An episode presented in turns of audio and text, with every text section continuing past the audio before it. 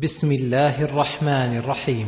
إذا جاء نصر الله والفتح ورأيت الناس يدخلون في دين الله أفواجا فسبح بحمد ربك فسبح بحمد ربك واستغفره إنه كان توابا.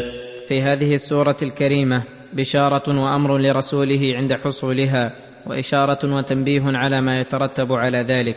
فالبشارة هي البشارة بنصر الله لرسوله وفتحه مكة ودخول الناس في دين الله أفواجا بحيث يكون كثير منهم من أهله وأنصاره بعد أن كانوا من أعدائه وقد وقع هذا المبشر به. وأما الأمر بعد حصول النصر والفتح فأمر الله رسوله أن يشكر ربه على ذلك ويسبح بحمده ويستغفره. وأما الإشارة فإن في ذلك إشارتين إشارة لأن يستمر النصر لهذا الدين ويزداد عند حصول التسبيح بحمد الله واستغفاره من رسوله. فإن هذا من الشكر. والله يقول لئن شكرتم لأزيدنكم. وقد وجد ذلك في زمن الخلفاء الراشدين وبعدهم في هذه الأمة. لم يزل نصر الله مستمرا حتى وصل الإسلام إلى ما لم يصل إليه دين من الأديان.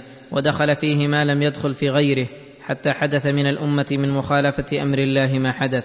فابتلاهم الله بتفرق الكلمة وتشتت الأمر فحصل ما حصل. ومع هذا فلهذه الأمة وهذا الدين من رحمة الله ولطفه ما لا يخطر بالبال أو يدور في الخيال. وأما الإشارة الثانية فهي الإشارة إلى أن أجل رسول الله صلى الله عليه وسلم قد قرب ودنا ووجه ذلك أن عمره عمر فاضل أقسم الله به. وقد عهد أن الأمور الفاضلة تختم بالاستغفار. كالصلاة والحج وغير ذلك. فأمر الله لرسوله بالحمد والاستغفار في هذه الحال إشارة إلى أن أجله قد انتهى فليستعد ويتهيأ للقاء ربه ويختم عمره بأفضل ما يجده صلوات الله وسلامه عليه. فكان صلى الله عليه وسلم يتأول القرآن ويقول ذلك في صلاته يكثر أن يقول في ركوعه وسجوده.